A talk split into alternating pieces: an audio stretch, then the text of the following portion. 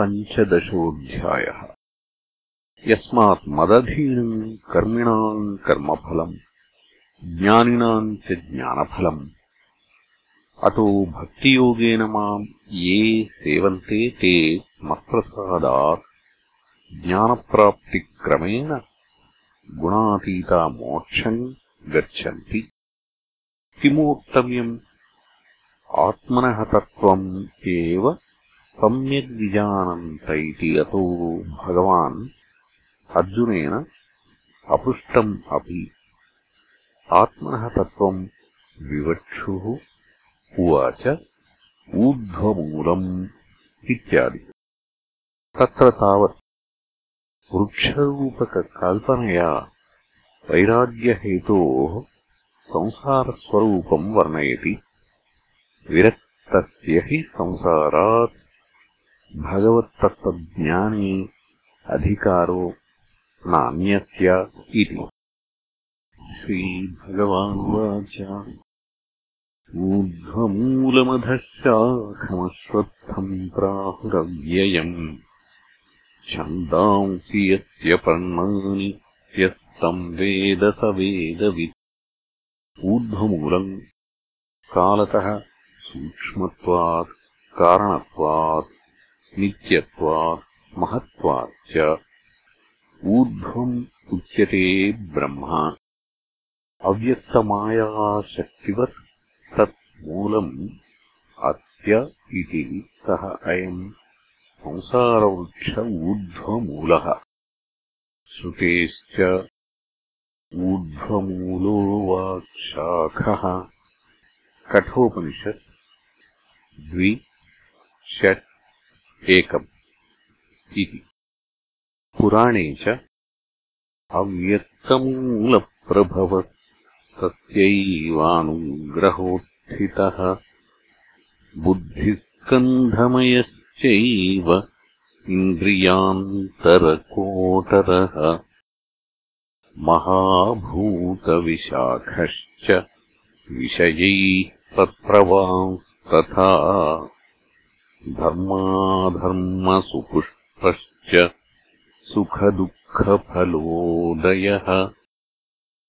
आजीव्यः सर्वभूतानाम् ब्रह्मवृक्षः सनातनः एतद्ब्रह्मवनम् चैव ब्रह्माचरति नित्यशः एतच्छित्त्वा च भित्त्वा च ज्ञानेन परमासिना ततश्चात्मरतिम् प्राप्य तस्मान्नावर्तते पुनः इत्यादि।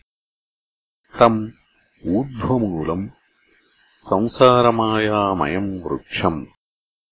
अधःशाखम् महदहङ्कारतन्मात्रादयः शाखा इव अत्याधो भवन्तीति सः।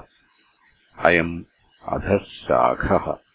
तम् अधःशाखम्।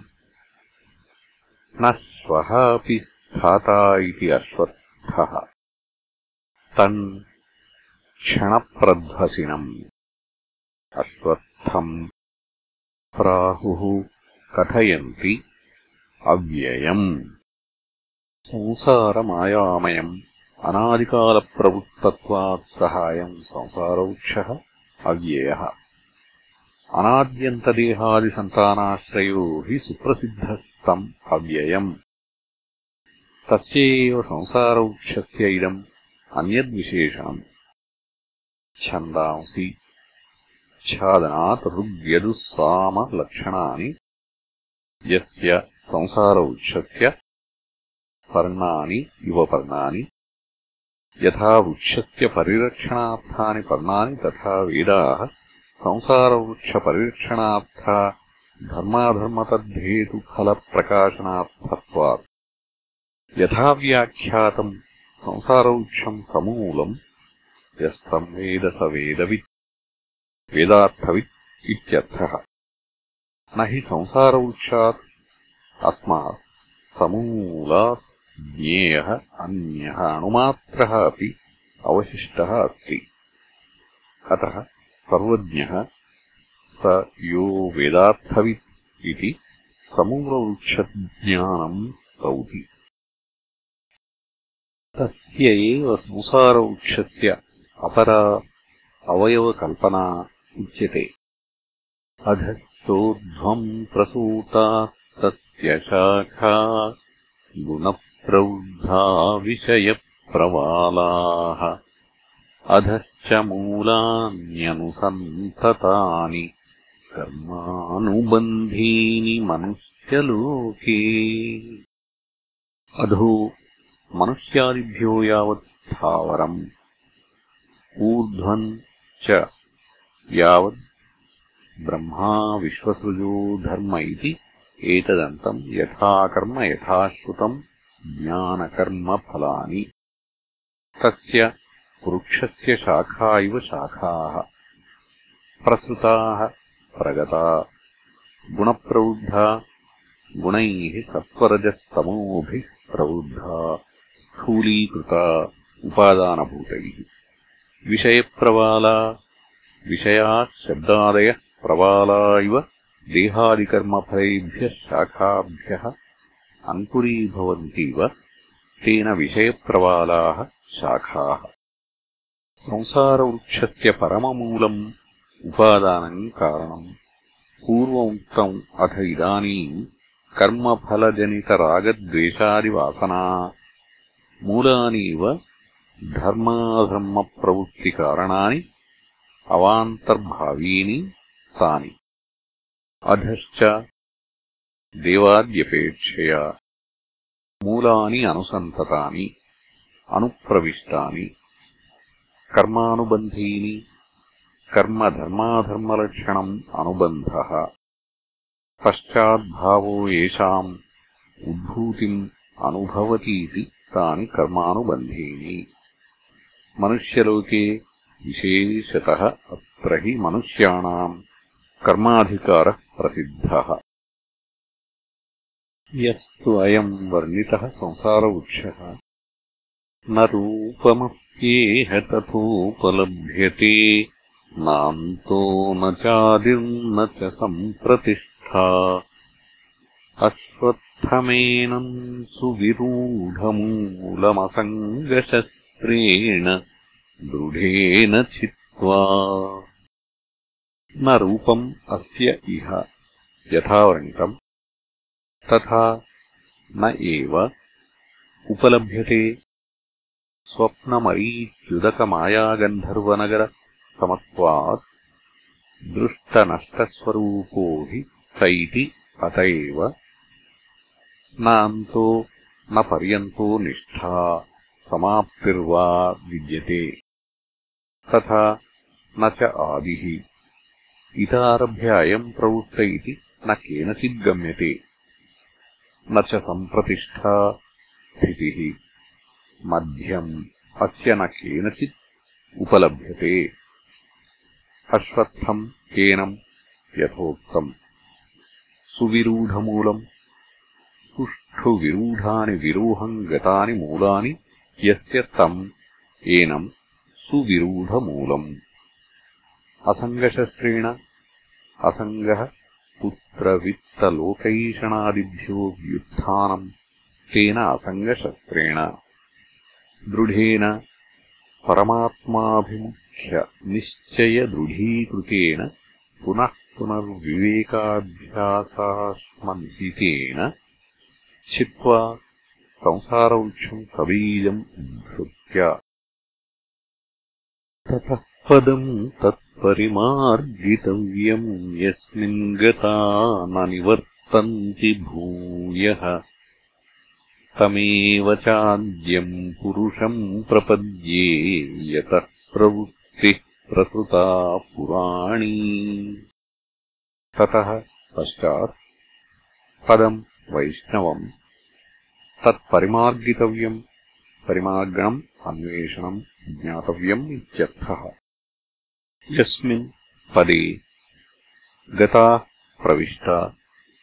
न निवर्तन्ति न आवर्तन्ते। भूयः पुनः संसाराय कथम् परिमार्गितव्यम् इति आह। तमेव च यः पदशब्देन उक्त आद्यम् आदौ भवम्।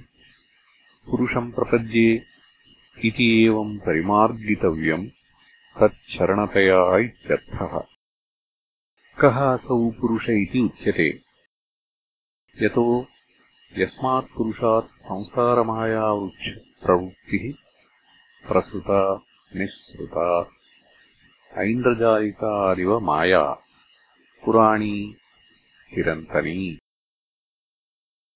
कथम् भूताः तत्पदम् गच्छन्ति इति उच्यते निर्माणमोहाजितसङ्गदोषा अध्यात्मनित्या विनिवृत्तकामाः द्वन्द्वैर्विमुक्ताः सुखदुःखसंज्ञैर्गच्छन्त्यमूढाः। पदमव्ययम् तत् निर्माणमोहा मानश्च मोहश्च मानमोहौ। तौ निर्गतौ येभ्यः ते निर्माणमोहा मानमोहवर्जिताः जितसङ्गदोषाः। सङ्ग एव दोषः सङ्गदोषो। जितःसङ्गदोषो यैस्ते जितसङ्गदोषाः। अध्यात्मनित्याः। परमात्मस्वरूपालोचननित्याः। तत्पराः। विनिवृत्तकामा विशेषतो निर्लेपेन निवृत्ताः कामा येषाम् ते विनिवृत्तकामाः। यतयः सन्न्यासिनो द्वन्द्वैः प्रियाप्रियादिभिः विमुक्ताः सुखदुःखसंज्ञः। परित्यक्ता गच्छन्ति अमूढमोहवर्जिताः पदम् अव्ययम् तत् यथोक्तम्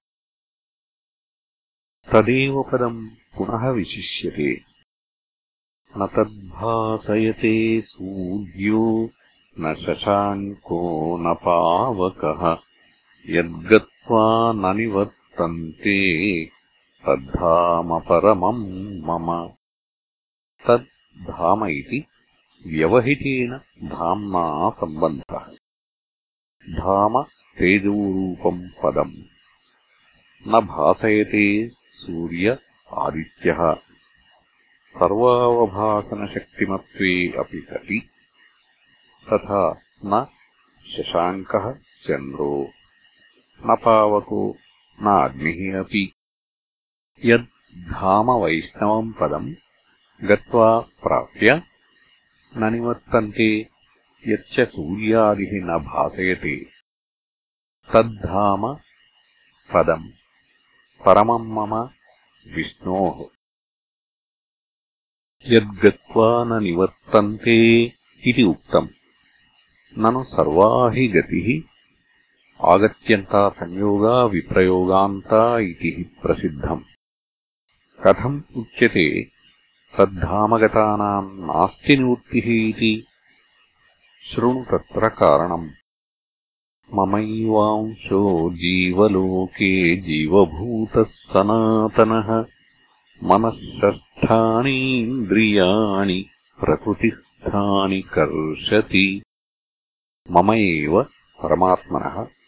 अंशो भागः अवयव एकदेश इति अनर्थान्तरम्।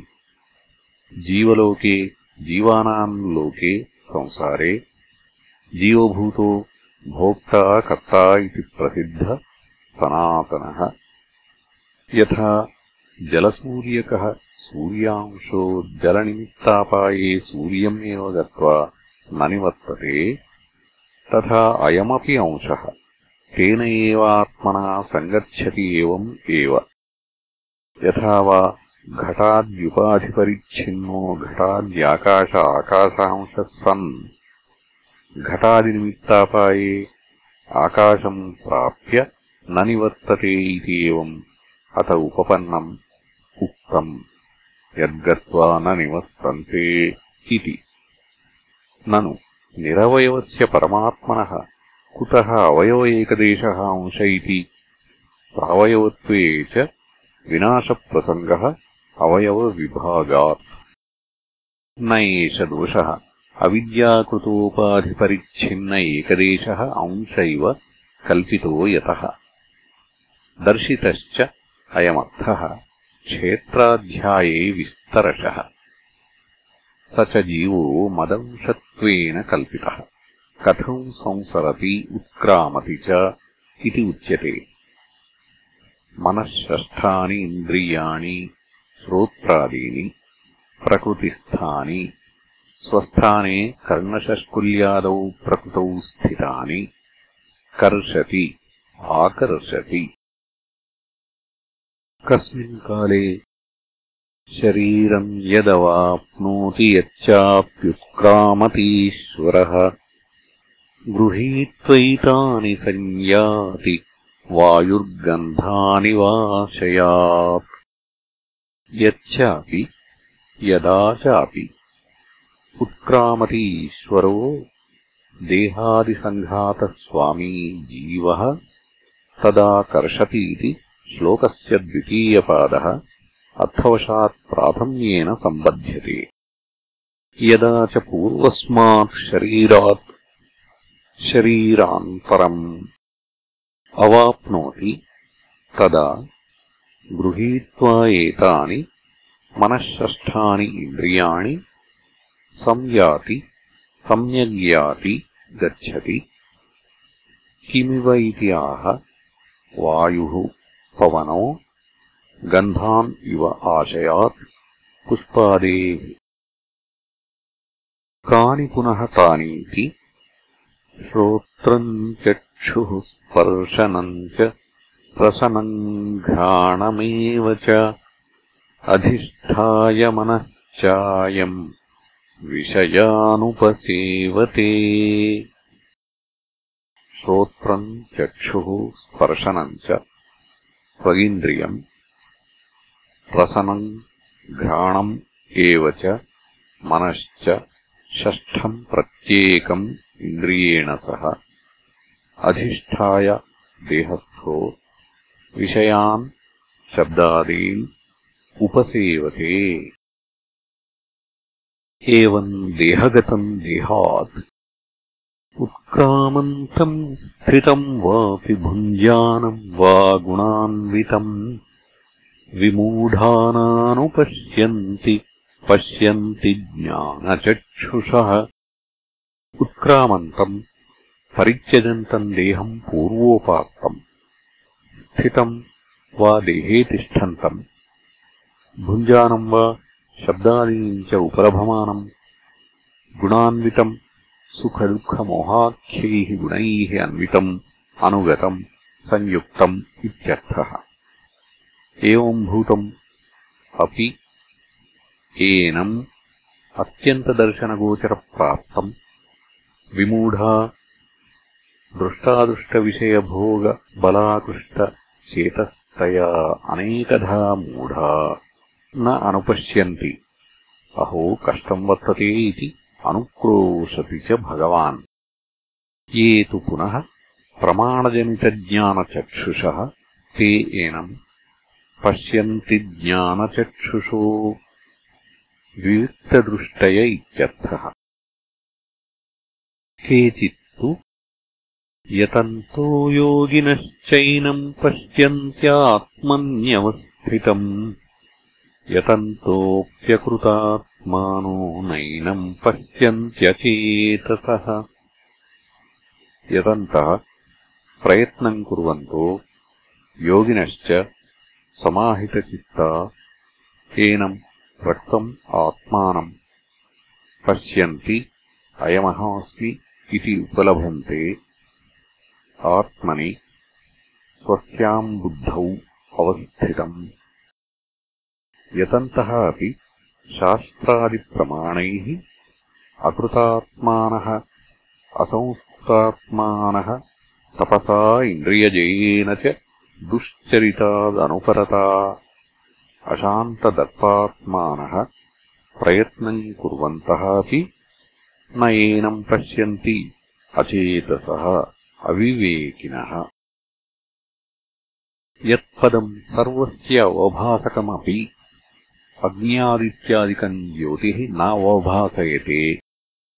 यत्प्राप्ताश्च मुमुक्षवः, पुनः संसाराभिमुखा न निवर्तन्ते। यस्य च पदस्य उपाधिभेदम्, अनुविधीयमाना जीवा, घटाकाशादय इव आकाशस्य अंशाः।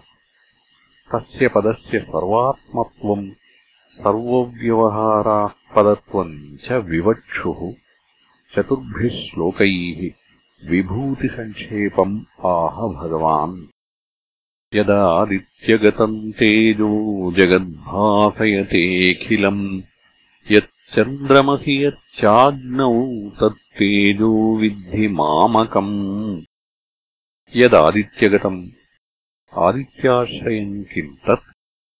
तेजो दीप्तिः प्रकाशो जगत् भासयते प्रकाशयति अखिलम् समस्तम्।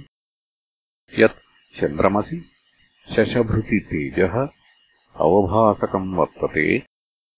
यच्च अग्नौ हुतवहे।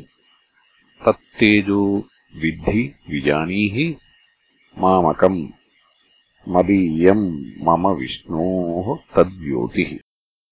अथवा यदादित्यगतम् तेजः चैतन्यात्मकम् ज्योतिः यत् चन्द्रमसि यच्च अग्नौ तत्तेजो विद्धि मामकम् मदीयम् मम विष्णोः तद्योतिः ननु स्थावरेषु जङ्गमेषु च तत्समानम् चैतन्यात्मकम् ज्योतिः।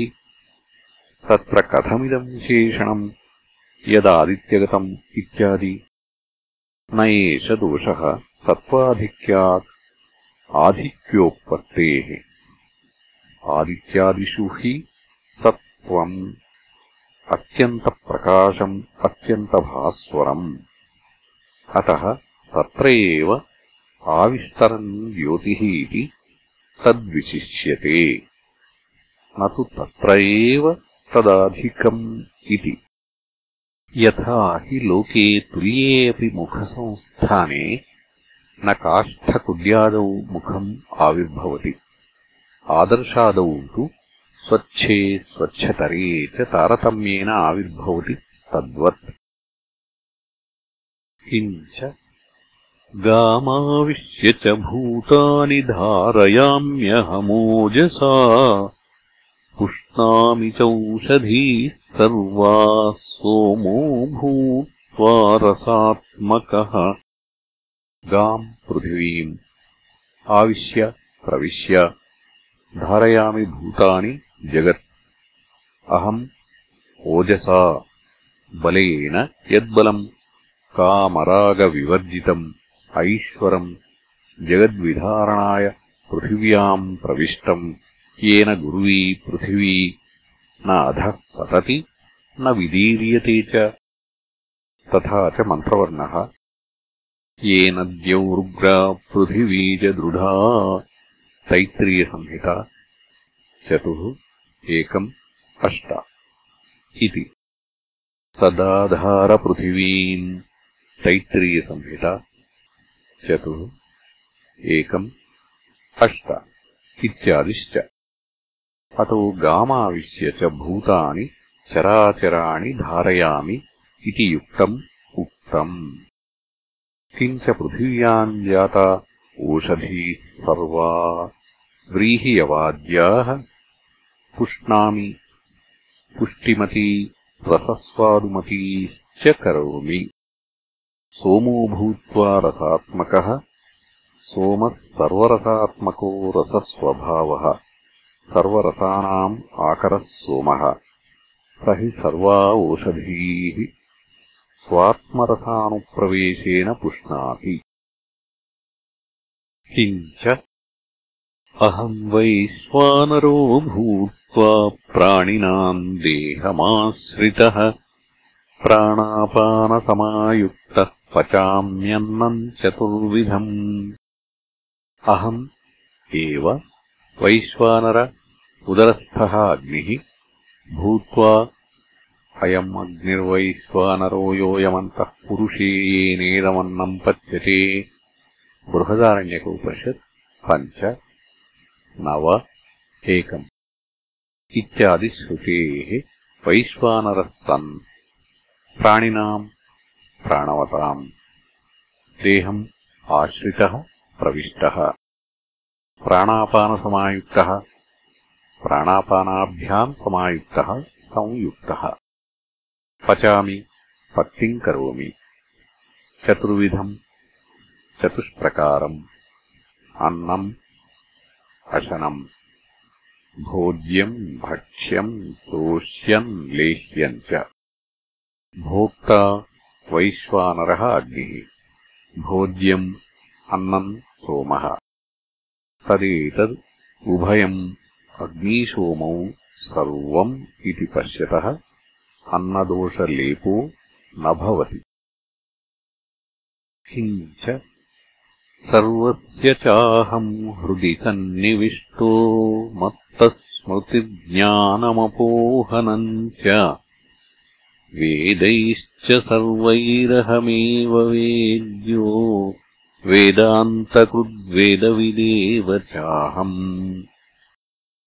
सर्वस्य प्राणिजातस्य अहम् आत्मा सन् हृदि बुद्धौ सन्निविष्टः अतो मत्त आत्मनः सर्वप्राणिनाम् स्मृतिः ज्ञानम् तदपोहनम् च येषाम् पुण्यकर्मिणाम् पुण्यकर्मानुरोधेन ज्ञानस्मृती भवतः तथा पापकर्मिणाम् पापकर्मानुरूपेण स्मृतिज्ञानयोः अपोहनम् च अपायनम् अपगमनम् च वेदैश्च सर्वैः अहम् एव परमात्मा।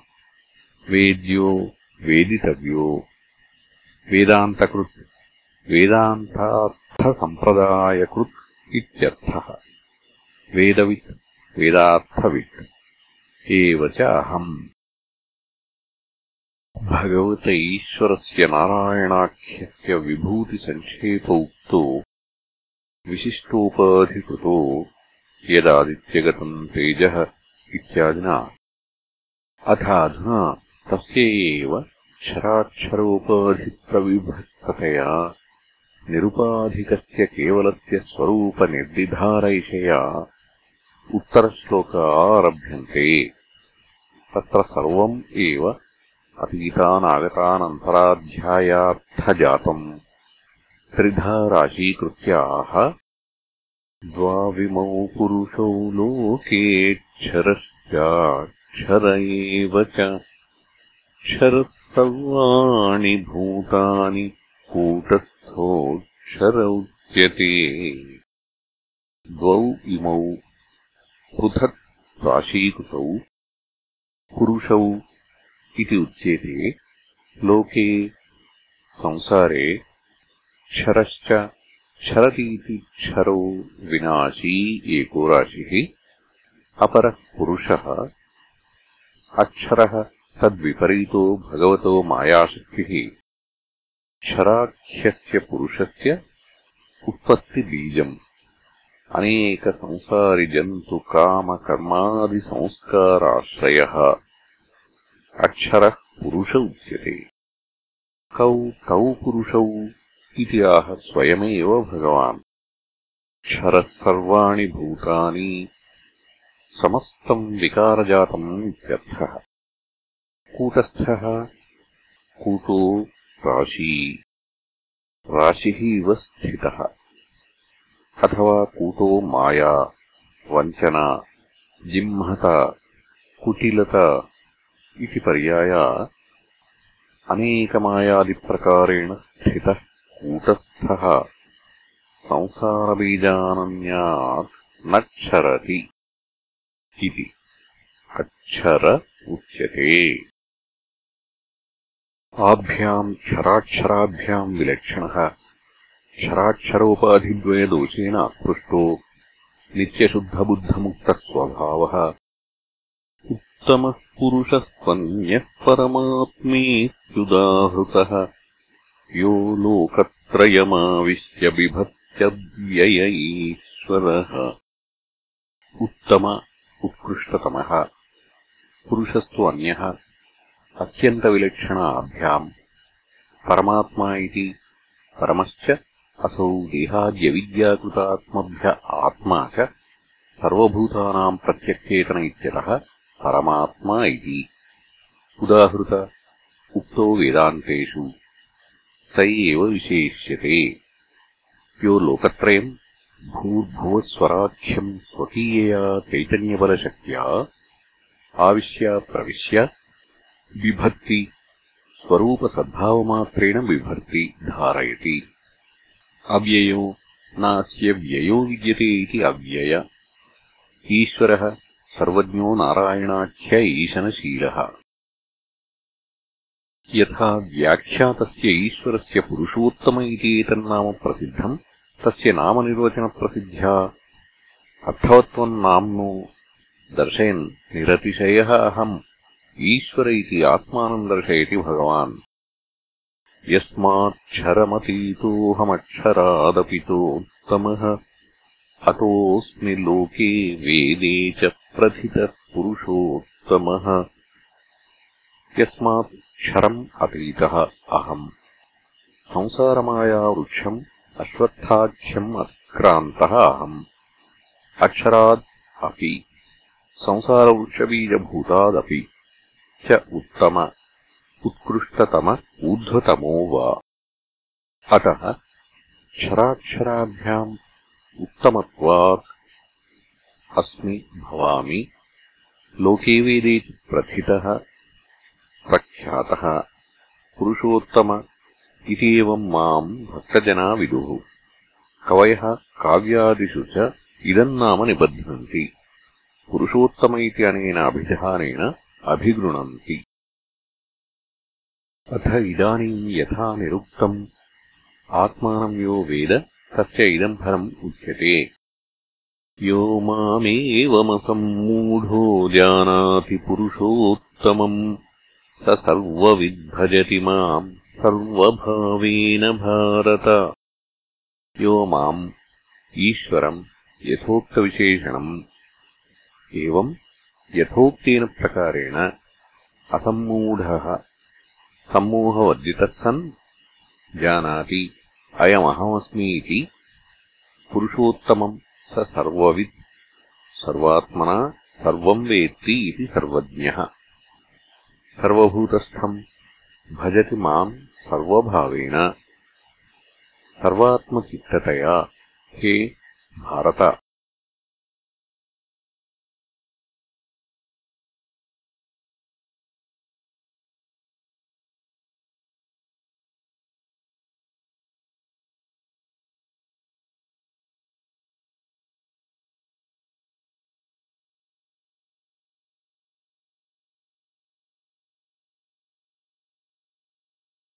अस्मिन् अध्याये भगवत्तत्त्वज्ञानम् मोक्षफलम् उक्त्वा अथ इदानीम् तत् स्तौति इति गुह्यतमम् शास्त्रमिदमुक्तम् मया नघ। एतद्बुद्ध्वा बुद्धिमान् स्यात् कृतकृत्यश्च भारत। इति एतत् गुह्यतमम् गोप्यतमम् अत्यन्तरहस्यम् इति एतत् किम् तत् शास्त्रम्। यद्यपि गीताख्यम् समस्तम् शास्त्रम् उच्यते तथापि अयमेव अध्याय इह शास्त्रम् इति उच्यते। स्तुत्यर्थम् प्रकरणात्। सर्वो हि गीताशास्त्रार्थः अस्मिन् अध्याये समासेन उक्तो न केवलम् सर्वश्च वेदार्थ इह परिसमाप्तो यस्तम् वेद स वेदवित् वेदैश्च सर्वैरहमेव वेद्यः इति च उक्तम्। इदम् उक्तम्। कथितम्। मया हे अनघ अपाप एतत् शास्त्रम् यथादर्शितार्थम्। बुद्ध्वा बुद्धिमान् स्यात्। भवेत् न अन्यथा कृतकृत्य च भारत कृतम् कृत्यम् कर्तव्यम् येन स कृतकृत्यो। विशिष्टजन्मप्रसूतेन ब्राह्मणेन यत् कर्तव्यम् तत् सर्वम् भगवत्तत्त्वे विदिते कृतम् भवेत् इत्यर्थः। न च अन्यथा कर्तव्यम् परिसमाप्यते कस्यचित् इति अभिप्रायः। सर्वम् कर्माखिलम् पार्थज्ञाने परिसमाप्यते इति च उक्तम् एतद्धिजन्मसामग्र्यम् ब्राह्मणस्य विशेषतः प्राप्यैतत्कृतकृत्यो हि द्विजो भवति नान्यथा। मनुस्मृति द्वादश त्रिनवति इति च मानवम् वचनम्। यत एतत् परमार्थतत्त्वम् मत्तः श्रुतवानसि ततः कृतार्थः त्वम् भारत इति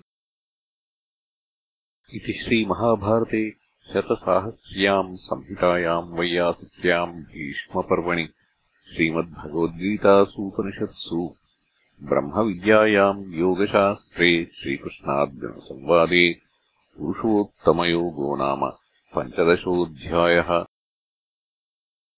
इति श्रीमत्परमहंसपरिव्राजकाचार्यगोविन्दभगवत्पूज्यपादशिष्य श्रीमच्छङ्करभगवतः कृतौ श्रीभगवद्गीताभाष्ये पुरुषोत्तमयोगो नाम पञ्चदशोऽध्यायः